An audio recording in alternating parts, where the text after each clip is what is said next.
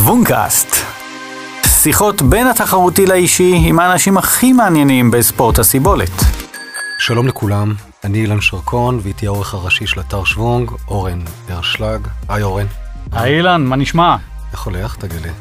הולך חם, חם. חם, חם בקיץ, אה? כולם בחופש, קשה, עונת קשה. התחרויות איננה, לא קיימת עכשיו. וכולם סובלים לא גם ברכיבה, גם בריצה.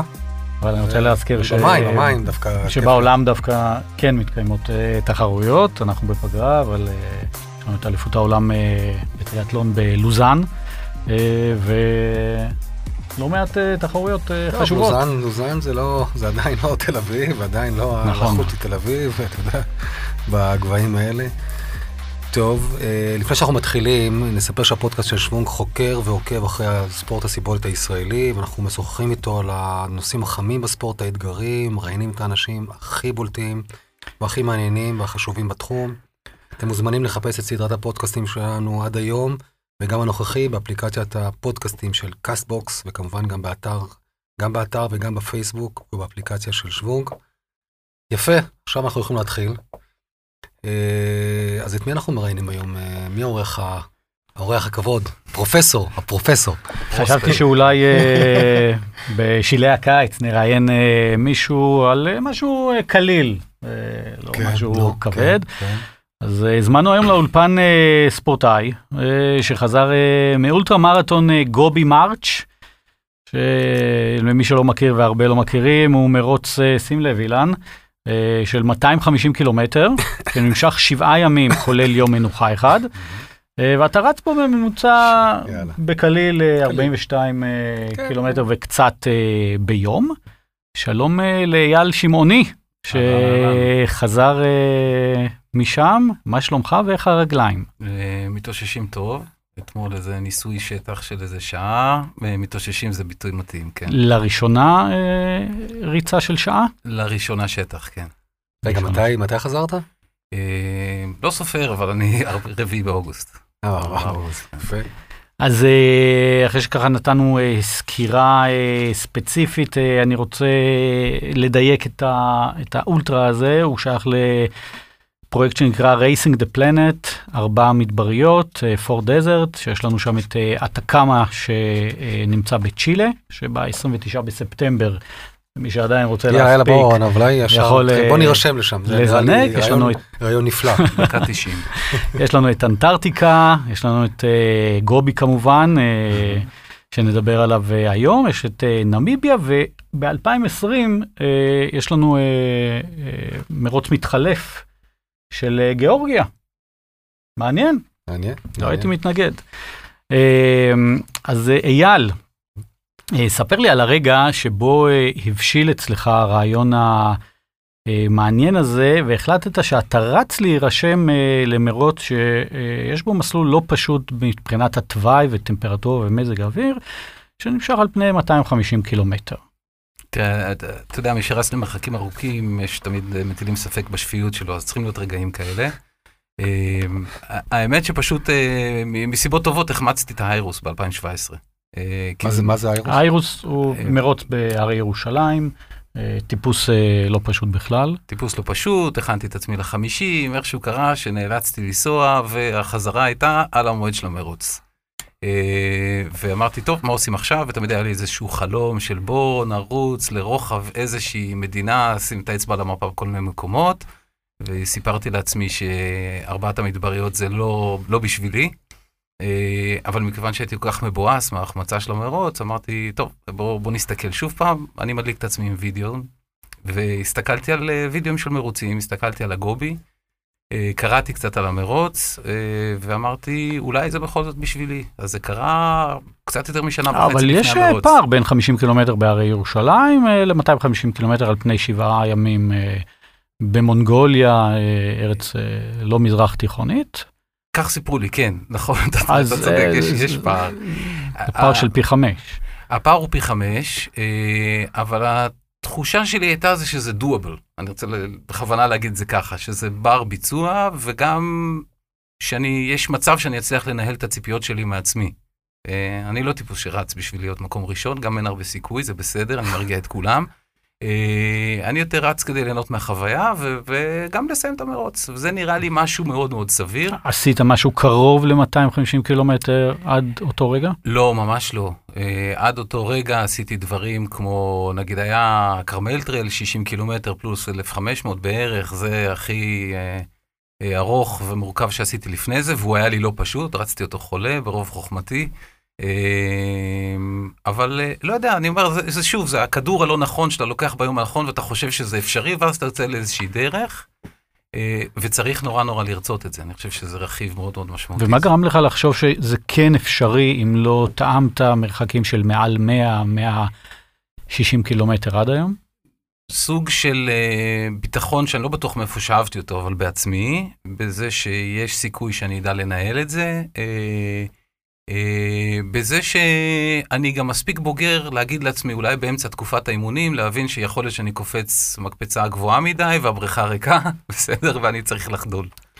אה, אייל, תשמע, 250 קילומטר, איך אתה בכלל יכול, איך אתה נערך לזה בארץ לגבי מרוץ במונגוליה? קודם כל, תוואי הדרך הוא שונה לחלוטין אה, מאשר כאן, המסלול שונה, איך אתה נערך לדבר כזה?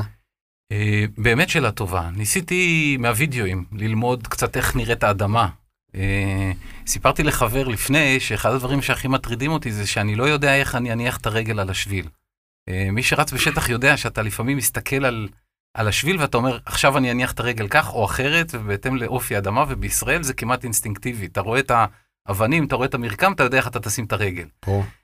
ופה הייתי באמת מוטרד מזה. אז אחד, מבחינת המרחקים והזמן זה בעיקר הרבה הרבה זמן על הרגליים. פשוט לצבור הרבה שעות, אה, הרבה ריצות ארוכות, מה שאנחנו קוראים back to back, יום אחרי יום, בעיקר בסוף שבוע ועומסים גבוהים. אה, אבל מבחינת החום, אה, הדרך, אה, חולות, אה, מה, איך אה, אתה נערך לזה בארץ? אה, הלכת לרוץ ב, באיזשהו מקום בים, בדרום? איך, איך נערך? שדווקא דווקא בעניין הזה לא. דווקא בעניין הזה לא. אני הבנתי שממש דיונות יש, דיונות של אמת, יהיו כעשרה קילומטר מכל ה-250. Mm. יהיה כנראה יותר חול, אה, אבל ממה שהסתכלתי על הדרך זה לא נראה לי משהו באמת מפחיד. אה, אתה יודע, צריך איזה, כמו שאמרתי קודם, מידה של תמימות כשאתה מסתכל על הדברים האלה. אה, ו...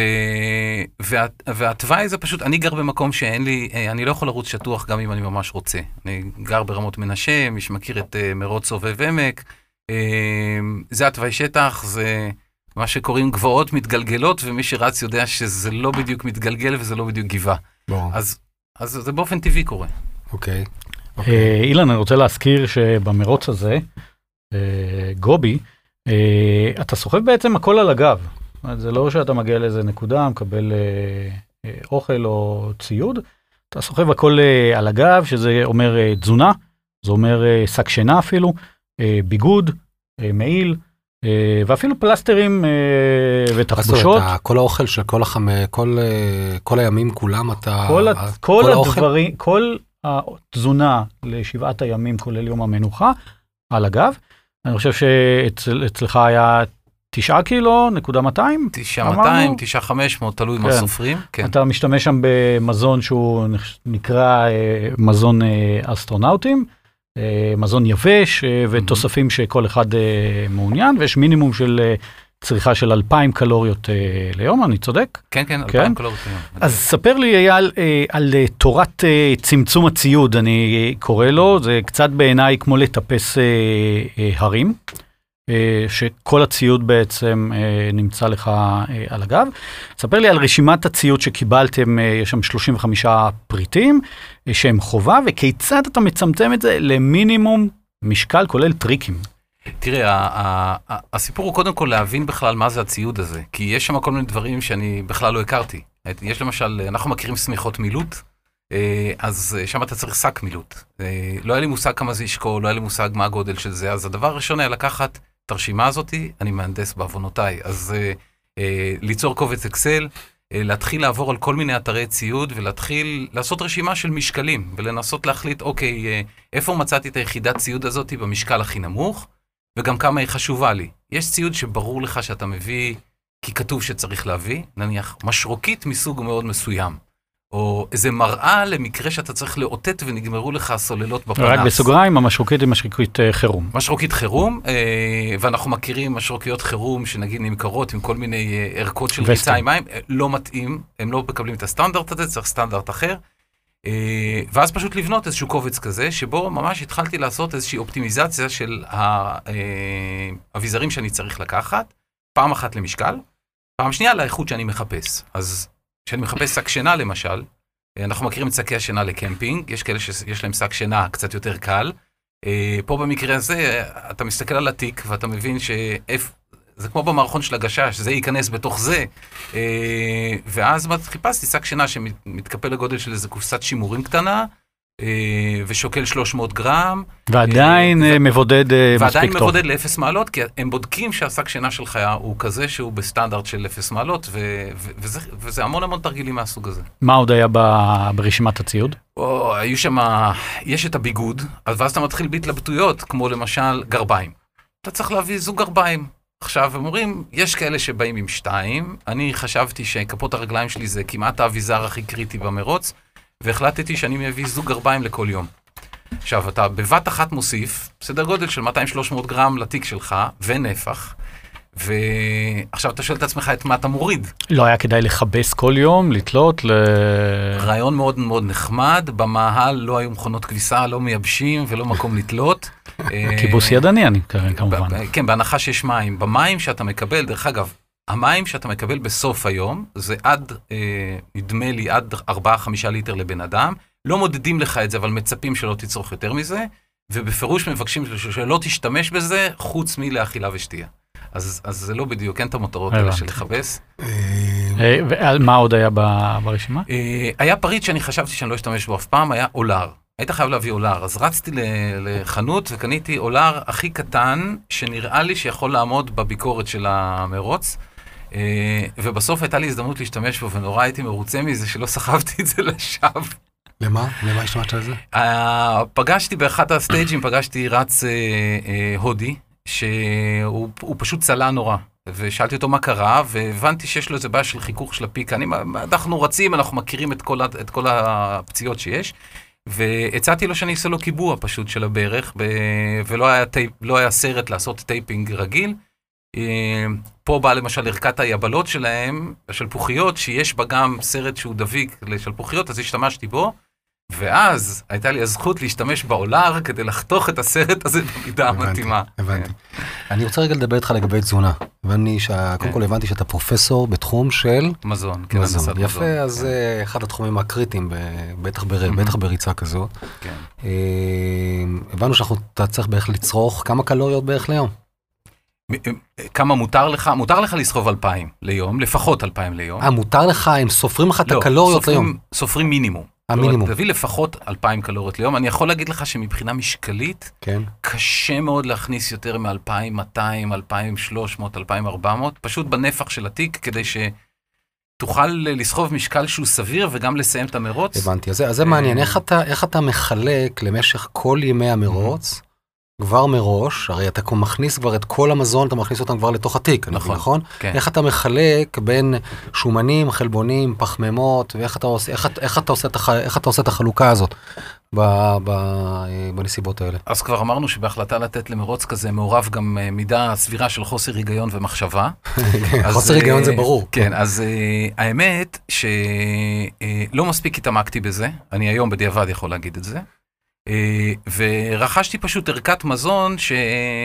מחברה שמשתפת פעולה עם המרוץ, שהיא נותנת לך את הקיט של אה, אה, כל שבעת הימים, ארוחת בוקר, מה שאתה יכול לאכול בזמן היום, ארוחה עיקרית לערב וכן הלאה.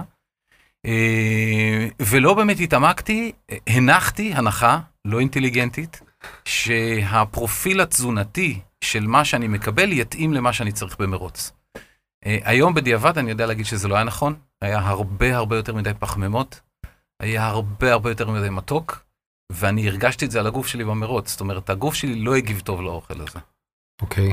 אה, אז, אה, אז נגענו ב- ב- בפן התזונתי, בוא נעבור רגע לצד המנטלי, אנחנו יודעים שבמרתון יש לנו פיק מנטלי שאנחנו יודעים, יש לנו התחלה, אמצע, סוף.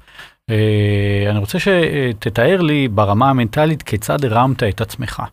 אה, יום אחרי יום, שאתה יודע שיש לפניך עוד מרחק של כ-42 קילומטר ויש לך יום אחד של 80 קילומטר, Mm-hmm. כיצד הצלחת באמת להגיד לעצמך, סיימתי סטייג' אחד, אני עובר מחר לסטייג' השני ואני קם ועושה אותו, והאם תרגלת את זה והתאמנת על דגם שכזה למשך שישה ימים, אבל בנפח נמוך יותר באימונים שלך בארץ? תראה, אני, אני חושב שהדבר המרכזי, בארץ לא עשיתי ממש סימולציה. אה, הייתה לנו מחשבה, לי ולמאמן שלי, לעשות אה, סימולציה כזאתי, אה, אבל איכשהו פשוט לא הסתדר, לוגיסטית לא הסתדר, ו- ועשיתי שבועות עמוסים, שבועות שבהם היו אה, אה, חמישה ימי אימון, אבל לא באמת בהכרח ברצף ולא בהכרח בעצימות הזאת. אה, אבל אני חושב שפה ההיכרות שבן אדם מכיר את עצמו מאוד, אה, מאוד עוזרת, ואני מאוד נוח לי לעשות דברים כשאחד אני חייב מאוד מאוד לרצות אותם, וזה כבר סיכמנו שזה היה חלק מהסיפור. אה, הדבר השני הוא איזה שהן רוטינות שהופכות את היציאה של הבוקר למחרת למשהו שפשוט צריך לעשות אותו. זאת אומרת, זה כמו מחר יש קניות, וצריך לעשות קניות בסופר. אז זה, זה, זה מסוג של uh, מטלה, ואתה צריך לעשות אותה, וזה בסך הכל נשמע נורא נורא הגיוני. Uh, והתייחסתי לזה מאוד מאוד טכני. לא הייתי במקום הזה של, וואו, עכשיו יש 40 קילומטר. זה ריחוק רגשי, אה, אתה מתאר פה? מכו... ומכ... ומכוון? Uh, או גם ביום יום אתה כזה? אני חושב שאני קצת ביום יום כזה. זאת אומרת, when things have to be done, um, they have to be done. אתה אקסלי.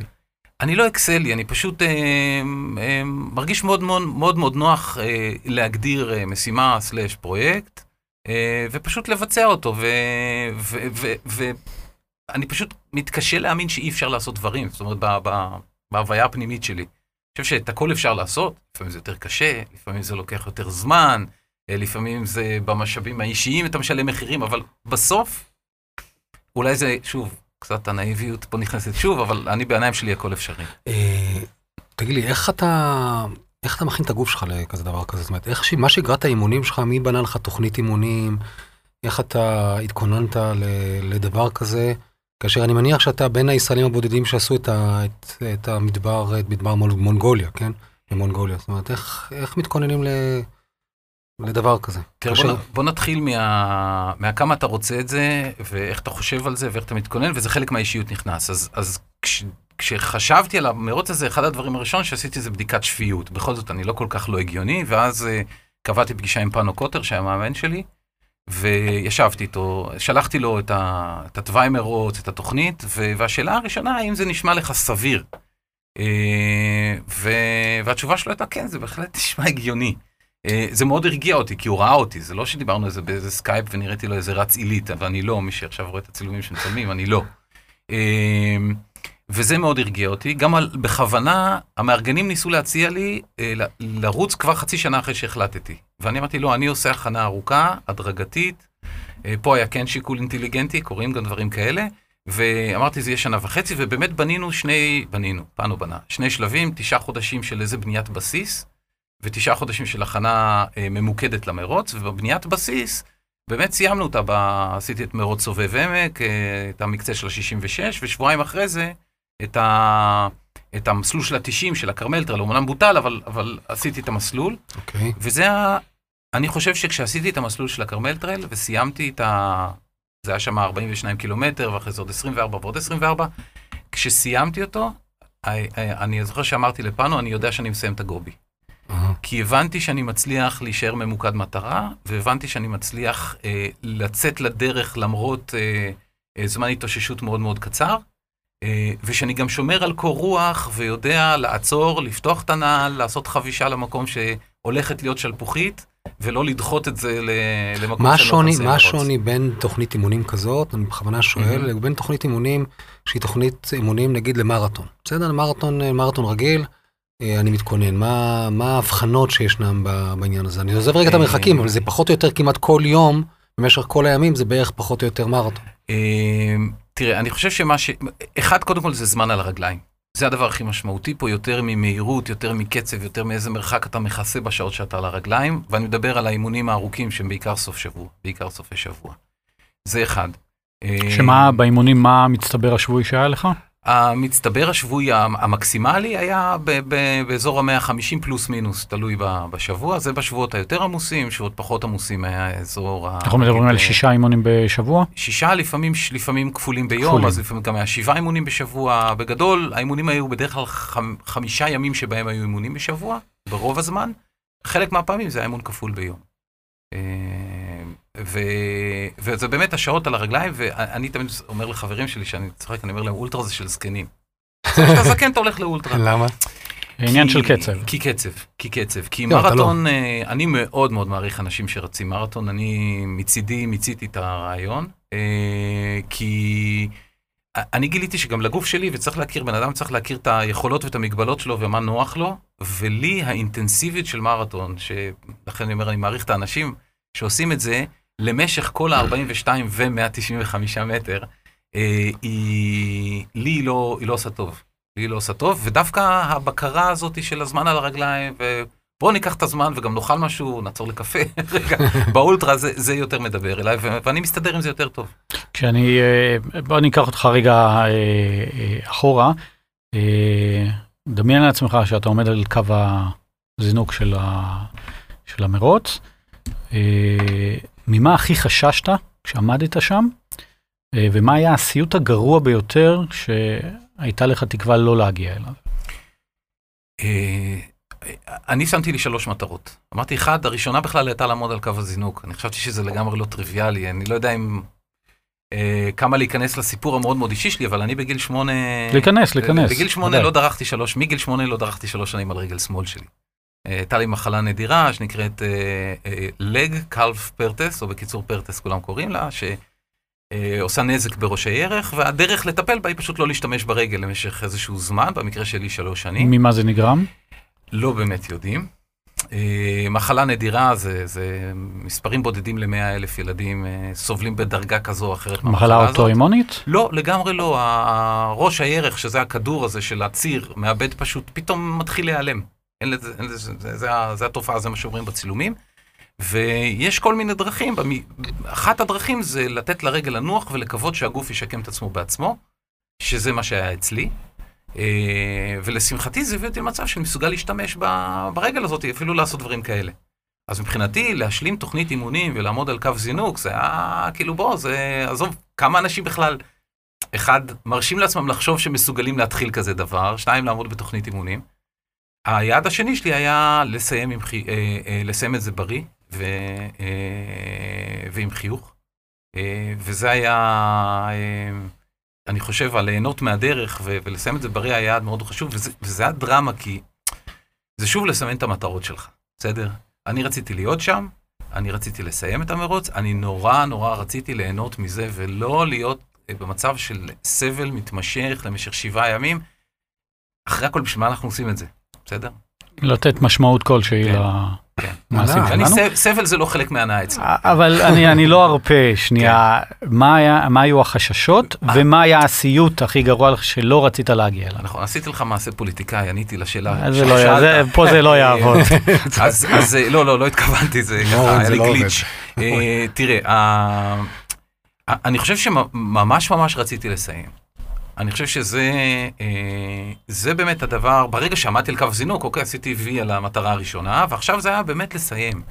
הייתה לי עוד מטרה נסתרת, לשמחתי זרקתי אותה באיזשהו שלב די מהר, של לסיים מתחת לאיזשהו זמן מסוים. סיימת בזמן של 55 55 שעות, שעות. אני רציתי פחות 28 מ-50. דקות אני חושב, אני- 55 אני לא 28 הייתי שם, 03. ת- תאמין לי, אני לא זוכר, אני זוכר 55 פלוס משהו, אה, לא התעמקתי. אנחנו באים. אנחנו באים מאורגנים, אז אני יכול להגיד לא, לך לא, שסיימת במקום כן. ה-79 מתוך 103, אוקיי. 103 אנשים שסיימו בזמן של 55 שעות, 31 דקות, 37 שניות. וואו, מצטער שאני דייקן. אני שמח שאתה מעדכן אותי, כי אני הייתי בטוח שסיימתי במקום ש- 81. אה, אבל יופי, התקדמתי. זה לא- כבר עכשיו, הנה, אתה יודע. אה, אולי עוד חודש לא, תתקדם עוד קצת. אני חושב שהשיחה הזאת בינינו מבהירה מה היה חשוב לי במרוץ הזה. אה, באמת נורא רציתי לסיים אותו. והיה לי מחשבה לסיים אותו. בהתחלה חשבתי שאני יכול לסיים אותו ב-45 שעות. אה, אחר כך אמרתי, טוב, ניסיתי להרגיע את עצמי ואמרתי, תסיים בפחות מ-50, ובשלב די מוקדם של המרוץ זרקתי את כל הדבר הזה ואמרתי, תזכור, המטרה השנייה שלך הייתה לסיים ועם חיוך. תעזוב אותך מהשטויות האלה ותתמקד במה שאתה באמת רוצה. אה, אני חושב שזה מה שסידר לי, כי זה גם היה הפחד הגדול שלי. זאת אומרת, אמרתי, אין, כל זה, ובסוף אני לא מסיים את המרוץ, כאילו מה... אה, כאילו, מדבקה למכונית לא מקבלים, אבל בכל זאת, בוא... אה, היה איזה משהו שאני זוכר שדיברנו פעם, אה, שאמרת שבתחילת המרוץ, ממש ב-15 קילומטר ראשונים, הייתה לך איזה נפילה. נכון. כן, אני... תספר. תראה, מה, מה שקרה, זה, זה שוב, זה הקטע הזה שלא לקחת את הכדור הנכון. אה, בערב שהגענו למחנה המוצא, הייתה לי איזו צריבה קלה בצד ימין של הגרון. עכשיו, כולנו מכירים את זה, אנחנו יודעים שמתחילה דלקת גרון. עכשיו, אני מכיר את עצמי, אני יודע שזה ויראלי, זה כנראה לא חיידקים. אין דיאט, מה אני אגיד לרופא של המרוץ שעכשיו יש לי דלקת גרון? אז כמובן שהוא לא ידע מזה, גם היום, עד היום הוא לא יודע מזה. ואני חושב שהתחלתי לפתח איזושהי מחלה. אחר כך הייתה המון התרגשות, אנחנו מכירים את זה, אתה יוצא לדרך, ההתרגשות, הזה, אתה זה.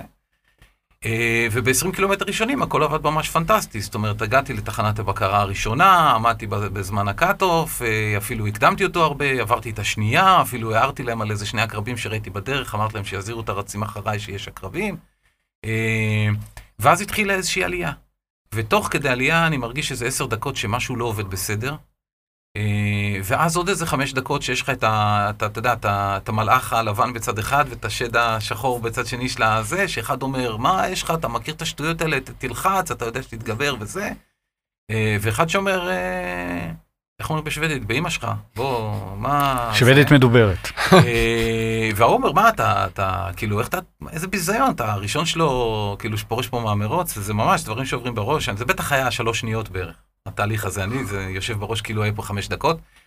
אמ, אבל אני חושב שמה שהכריע את הכף זה אה, איזושהי תובנה, שזה הלבן היה שמה, שאומר, אה, תקשיב, שמעוני, זה כשאני מסדר את עצמי, זה לא אייל, זה רשמי, אה, יש לך משפחה בבית, יש לך ילדים, יש לך אחריות, מה אתה מטומטם? שיעוף המרוץ הזה, מה אתה זה? שב, תתאפס על עצמך, ממש כזה. ופשוט התיישבתי. עכשיו, אתה יודע, לרצים יש אגו, אני גם כזה. אז uh, התיישבתי, וכל מי שבא מולי שאל אותי אם הכל בסדר. אז אמרנו, בטח, תראו איזה נוף, איזה יופי, וזה, לא היה לי, כאילו, מה, אני מרגיש לא טוב וכאלה. אבל אז הבנתי, בדקתי, כאילו, היה לי במכנסיים, הייתי שם את החטיפים ואת הסוכריות, מה שתכננתי לאכול במשך היום, ופשוט, ראית, ספרתי בקבוקי מים, כמה שתיתי, והבנתי שפשוט לא הכנסתי מספיק אוכל. Uh, ואז דחפתי חצי חבילת סוכריות לפה, חיכיתי איזה 20 דקות, בסוף, כן, מהנדס מזון מבין כן. קצת זה, שהסוכר... סוכר ייכנס לגוף, ייכנס לדם. לגוף, אה, ואז אמרתי, עכשיו אתה לא מנסה ללחוץ, תעלה לאט, לאט, לאט, לאט, לאט. עשר דקות אחרי זה מצאתי עוד רץ. בדיוק באותו מצב, אמרתי לו, מה, אתה חייב סוכריות? כבר הייתי ידען. אה, נשארתי איתו עוד איזה סרט, וזה הכניס אותי לפרופורציות של מה אני באמת רוצה מחדש, איפס אותי, סידר לי את הראש. אז אפשר להגיד שזה אה, אפילו הייתה, זה היה מצב חיובי. זאת אומרת, בסוף כל ה... אה, אני חושב שכן. אני יכול להגיד לך שכמה זה היה חיובי, יבטאו התשעה קילומטר האחרונים של אותו יום. אני הגעתי לתחנה הבאה, אה, ושוב, ראיתי שאני עומד בזמנים, אפילו בשביל האגו ראיתי שאני לא אחרון, בכלל הייתי מבסוט. אה, ואז פתאום היו איזה שמונה, תשעה קילומטר שרובם יחסית שטוחים. ערבה מונגולית מדהימה עם נופים שעוצרים את נשימתך גם אם אתה לא רץ. ואמרתי, וכל כך הייתי בהיי מזה שאני גומר את היום הזה אחרי הזוועה ההיא קודם, שבאמת חשבתי שאני מתעלף עוד רגע. אה, ואמרתי, איך אני מצ'פר את עצמי? והורדתי לי, עשיתי דאונלוד של איזה פלייליסט שחסכתי סוללה, לא השתמשתי בו. פתחתי אה, ניל יאנג, שאני מאוד אוהב, full volume, באמצע nowhere, שאני חושב לפניי קילומטר ומשהו אין אף אחד, אחריי לא יודע כמה אין אף אחד. ואני כמובן מסתכל מסביב, שאף אחד לא רואה את הביזיון. ושאגתי ניל יאנג לערבה המונגולית במשך עשר דקות. אה, זה היה הקלה אדירה, כן. יפה, אייל, איך, אה, תגיד לי, הנושא של ה cut-off, הרי למעשה אתה התנהלת לפי, גם, גם לפי ה cut-off, גם, מבין, כן. גם לפי ה cut-off. כן. איך, איך הנושא של ה cut-off אה, מתנהל שם, וכל כמה קילומטרים זה מתנהל? אה, כל יום כזה מחולק לפחות או יותר מקטעים שהם מנסים לשים אותם איפשהו בין 8 ל-14 קילומטר, אז פחות או יותר בכל, בסוף כל מקטע כזה יש גזיבו, שניים, צוות של מתנדבים, יש מים ויש רישום של הרצים. רק בסוגריים נסביר שאת המים אה, מקבלים בנקודות, ה... בנקודות המים, המים כן. ובעצם אתה, אתה לוקח איתך כשני ליטר. ליטר וחצי, חצי. כן. אתה מחויב לקחת ליטר וחצי ביציאה מכל תחנה. שזה בק- זה ב- בעמדות ה cut-off. בעמדות ה cut-off. אה, לפעמים אה, הם אה, מבקשים לך לקחת עוד ליטר אם אתה נכנס לקטע ארוך, או אם מאוד מאוד חם, כדי שאתה חייב להיות עם יכולת לשאת שניים וחצי ליטר עליך. אה, ו- ואל תשכח שיש לך גם תשעה קילומט- אה, תשעה קילו על הגב. כן, אה, נכון. אה, וה... ובעצם אתה מקבל בתחילת כל יום, אומרים לך, אוקיי, ה check point מספר 1, ה cut-off אליו זה השעה הזאתי, check point מספר 2, ואני תמיד הייתי מקליד לי בסלולר שלי, אני מהנדס, לא יכול, חייב הכל לרשום, הייתי מקליד לי את ה... בתדריך של 7 וחצי בבוקר, אה, מתארים לך גם קצת את המסלול, אז אתה פחות או יותר יודע, ו... והייתי בונה את התוכנית התקדמות כדי לייצר איזשהו מרווח נכון מה cut-off. מזכיר לכם, המטרה שלי פחות לנצח, יותר לסיים.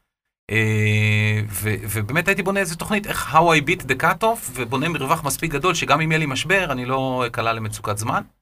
אה, ותמיד הייתי באזור של שעות, ברמת השעות הייתי צובר מרווח. זה היה... אה, יש לי שאלה אליך, בסוג התחרות הזאת יש גם, את מדבר אנטארקטיקה. כן.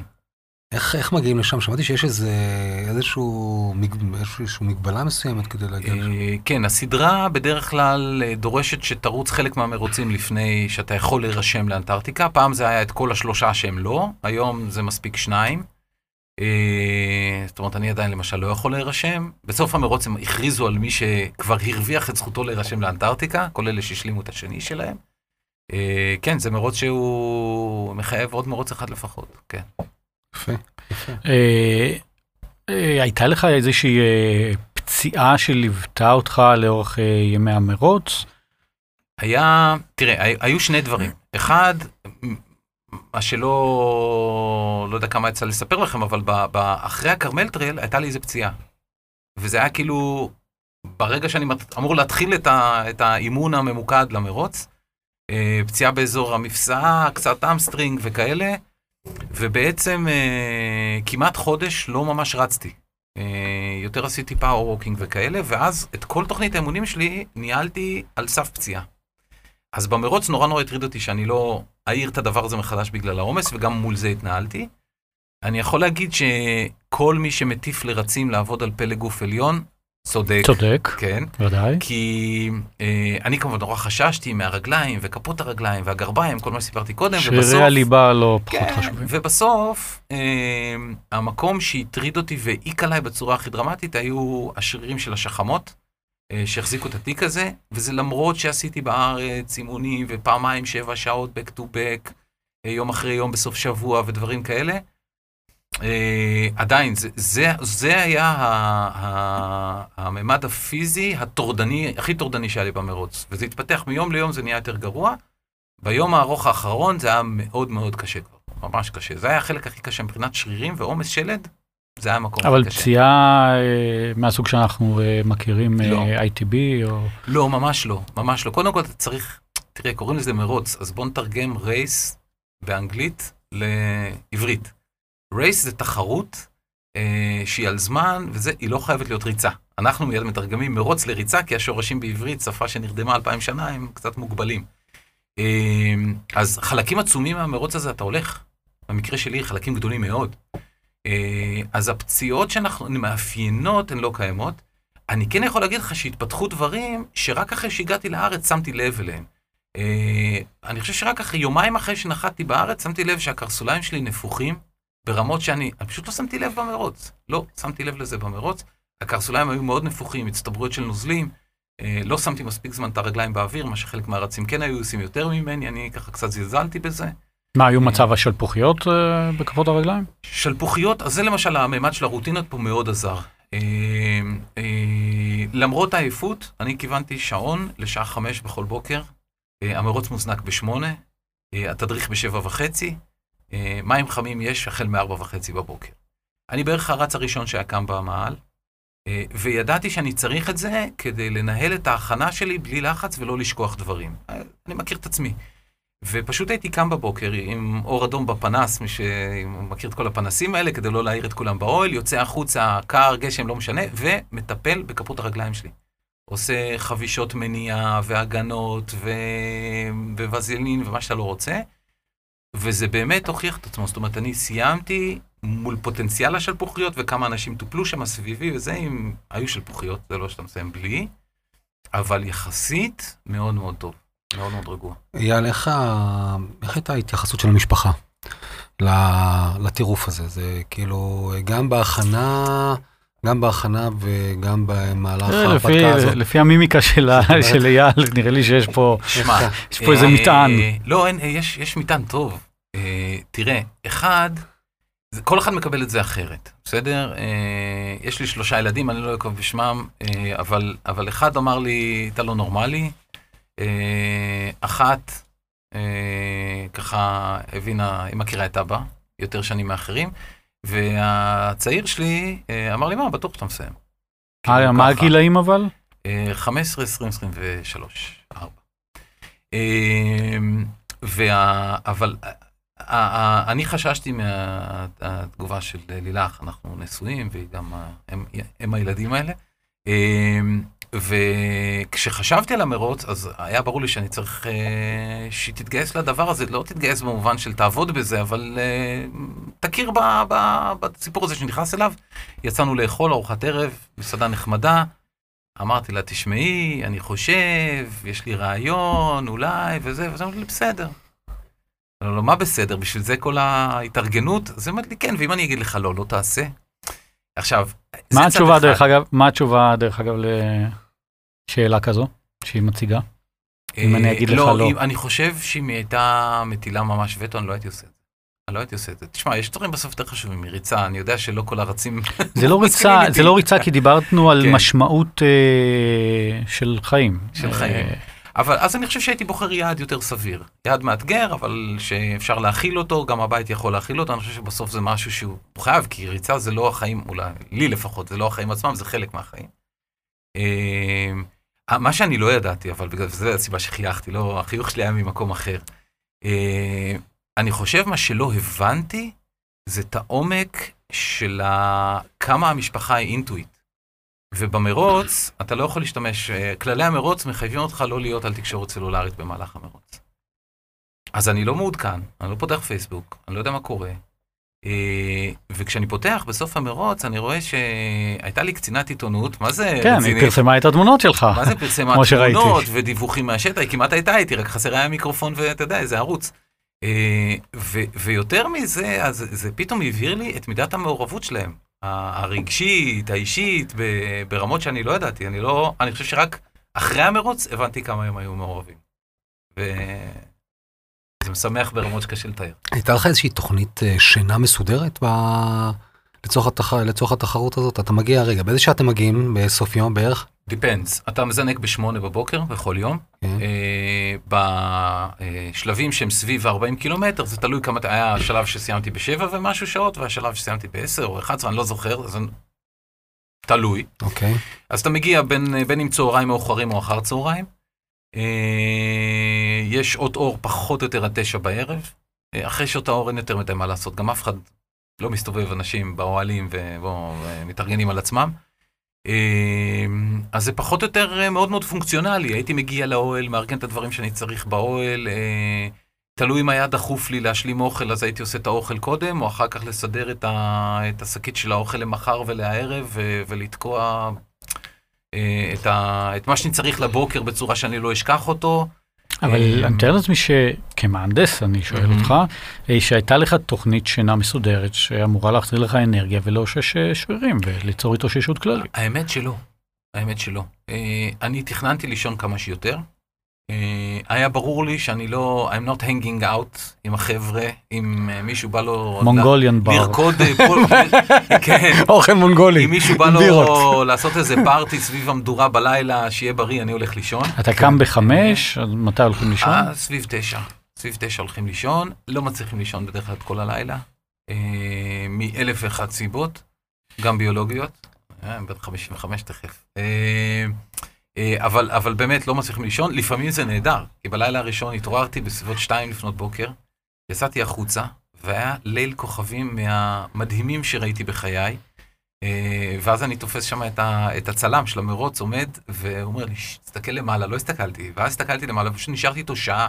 אני מזנק למחרת בבוקר, נשארתי איתו כמעט שעה בחוץ, בוהה בכוכבים, לא יכול לחזור לאוהל, אה, אבל זה חלק מהסיפור אתה שלי. רואה, במקום כזה. מהנדס, ובכל זאת קצת... אה, יש- רומנטיקה, יש לו כן. רגש. אתה רואה, אתה רואה, ברור, ברור.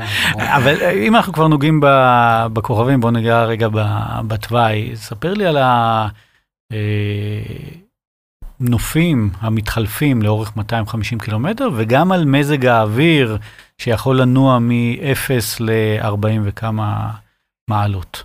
תראה, ב- ה- הנופים, וזה מה שיפה, זה כשיש לך איזה אה, דירקטור של מרוץ, או מי ש- מי שבונה מסלול שהוא מאוד מנוסה, והוא מבין... והדירקטור הוא אחד הטובים, כן, אה, קרלוס, ש- אה, קרלוס. כן, ו- ו- אז הוא מבין שחלק מהסיבה שרצים, רצים דבר כזה, זה גם בשביל זה, זאת אומרת, לקבל מגוון של נופים וזוויות אה, מעניינות לראות את מה שקורה. אה, אז הנופים באמת היו מיום שהעיקר שלו היה מין איזושהי ערבת שיחים כזאתי, וקצת טיפוסים על הכרמל style מעט מאוד. אה, דרך אה, יום שכולו היה מין איזה מעברי רכסים דרך מה שקוראים לו rolling hills, אבל זה היה מין טיפוסי כרמל ועוד אחד ועוד כזה. דרך יום שהוא הרבה יותר חולי עם דיונות באמצע, אם זה היום של ה long march שפשוט היה רובו, לונג מרץ' הוא ש- של מתווה ה- 80 80 קילומטר. קילומטר בערך, כמעט. אמ, לא ממש שטוח, אבל די שטוח ומאוד אה, מעמיס נפשית על, על לסיים מרחק שהוא מין משהו אינסופי כזה. דרך היום האחרון שהיה נוף כמעט שוויצרי, חוץ מהגובה של ההרים, כאילו גם הנחלים והפרחים והיער ארזים בסוף. היה יום אחד שעברתם אה, נחלים. היום אה, הזה, היום הארוך האחרון, זאת אומרת, יום לפ... בסוף רצים עשרה קילומטר ביום האחרון, ביום לפניו זה יום של איזה 40 ומשהו קילומטר עם חציות, אין, באמת אין ספור של נחלים, חלק מהם חבלים כי הזרם שם מאוד חזק. אה, בצד של הטמפרטורות, מה שנקרא, הבטיחו וקיימו, כמעט את כל, כמעט עד הקצה. היה באמת לילה אחד, בין היום הראשון לשני, אם אני זוכר, שהיה ליל, ליל של סופה אה, באמת מטורפת, של עוצמות גשמים ש... מה- מהיותר משמעותיות שאני ראיתי, כולל למחרת יום שהוא מאוד מאוד קר. אה, אני חושב שאני הייתי, אני לא חושב, אני, I know so, שאני סיימתי את היום הזה עם איזושהי היפותרמיה קלה. אה, והיום של הלונג מרץ', אותם 80 קילומטר, הלפני צהריים שלו, שם היה השיא של הטמפרטורה, היה נשק את ה-40, הם... גם המארגנים טענו את זה, אבל אני יודע, אנחנו מכירים את הטמפרטורות האלה, זה כנראה גם היה נכון. אה, אבל, אבל אני חושב פה, אתה שאלת אותי על איך אתה קם לעוד יום של 40 קילומטר, אני חושב שזה בדיוק המקום. שאתה, כשהתחלתי לקחת ריצה ברצינות לפני עשר שנים בסך הכל, אה, קבעתי לי כלל שאם יש לי איזושהי תוכנית אימון, ואז המרחקים יותר קצרים, אה, אין כזה דבר שעכשיו חם או עכשיו קר ולכן לא יוצאים. אה, כי במיוחד כשאתה מתחיל נורא קל לוותר, ואני נשארתי עם זה. זאת אומרת, ולכן גם במרוץ הזה, אז, אז אוקיי, אז קר, אז תשימי על גשם, אז חם, אז תשתה יותר, יותר אלקטרוליטים, תוריד את הקצב. כאילו, בסדר. יפה, אנחנו לקראת אה, סיום, אז אה, ספר לנו על האתגר הבא שלך, כי אני יודע, למרות שאתה לא יודע שאני יודע, שיש לך משהו מעניין שאתה מתכנן. אה, האתגר הבא, וואה, אה, אז, אז כאילו, אתה גורם לי להתחייב בשידור, זה אירוע קשה. כן, כן. אה, תראה, האמת, שהחלום אנחנו. שלי לעשות עוד אחד כזה. אה, אני כרגע עובד על הלוגיסטיקה, יש גם עבודה, כאילו זה, שזה מאוד מפריע, אתה יודע, בעניין הזה של ריצה. אה, אני כרגע עובד להיות בסיטואציה שאני אוכל לעשות את, אה, את הנמיב רייס, את המרוץ בנמיביה. אה, זה מה שהייתי מאוד רוצה לעשות. שהוא חלק אה, מה-Racing the Planet for Deserts. ודיברנו קודם איזה כרטיס זה קונה לך, אז, אז זה חלק מהרעיון. אם זה לא יסתדר, אז יכול להיות שזה יהיה התקאמה, אה, שזה מרוץ שלישי בצ'ילה. בצ'ילה. אה, נמיביה זה פשוט כי מה, מכל ארבעת המרוצים האלה, זה כרגע או נמיביה או התקאמה, אנטארקטיקה אני לא יכול. אה, בהתקאמה בתור טייל, אה, אחרי צבא כזה לפני יותר מדי שנים הייתי. אז- יש את אה, גיאורגיה ב-2020 שהוא המתחלף. גיאורגיה הוא המתחלף, גיאורגיה, אבל גיאורגיה טיילתי בפסח. אה, עם המשפחה ממש באותם אזורים, ודיברתי עם קרלוס בדיוק על זה, והוא סיפר לי איפה הוא הולך לעשות את המרוץ, ומי שחושב גיאורגיה הולך להיות קשה מאוד. אה, ואני, אני, גם בארץ אני לא חוזר הרבה פעמים למרוצים שרצתי. אני נורא רוצה לעשות משהו אחר, חדש, אני לא מכיר. אני, אני לא בסיפור של לשפר תוצאות, בסדר? אז, אז אני רוצה משהו שלא עשיתי, בנמיב דזרט לא הייתי, נשמע כמו טיול נחמד. נשמע סיכום. אה, סיכום אה, מצוין. נכון. סיכום מצוין, רק תן לי במשפט אה, המרוץ שלך כתרומה לידיד לחינוך. ספר לי על תראה, העניין הזה. אני חושב שספורט, ספורט סבולת בכלל, אה, הוא הוא המון אצל אנשים שלא מקצוענים, בסדר? גם מקצוענים, אני בטוח, אבל בטח לא מקצוענים, חובבים כמוני. המ- המון עובד על ה- על התחושה שלך שאתה מסוגל, של מסוגלות. ידיד לחינוך זאת עמותה שאני בוועד המנהל שלה, ועוסקת בתמיכה במערכת החינוך דרך אה, שילוב של גמלאים במערכת החינוך.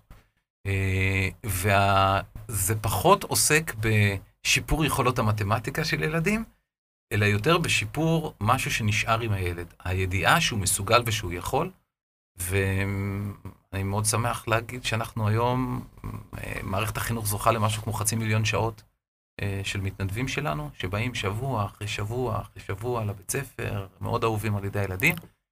ואני חושב שזה משהו בחיבור הזה של ספורט סבולת, מסוגלות, ומסוגלות של ילד, זה משהו שהיה מאוד חשוב. לא יכול להיות, אה, היה להיות כן. סיכום והקבלה וסגירה יותר וחתימה טובה, יותר טובה מזה. יותר טובה מזה.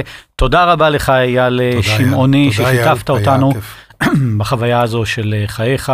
תודה לכם שהייתם איתנו בעוד פודקאסט אקסטרים של שוונג, אה, שאותו תוכלו לשמוע באתר שוונג ובאפליקציית הפודקאסטים של Castbox. אתם יותר ממוזמנים אה, כמובן להמשיך ולקרוא אותנו מדי יום באתר שוונג, בפייסבוק, באפליקציה, באינסטגרם ובטלגרם. אז יאללה, אילן, אה, שניפגש על המסלול. יאללה. ביי, להתראות. תודה, אייל. ביי, תודה, רבה.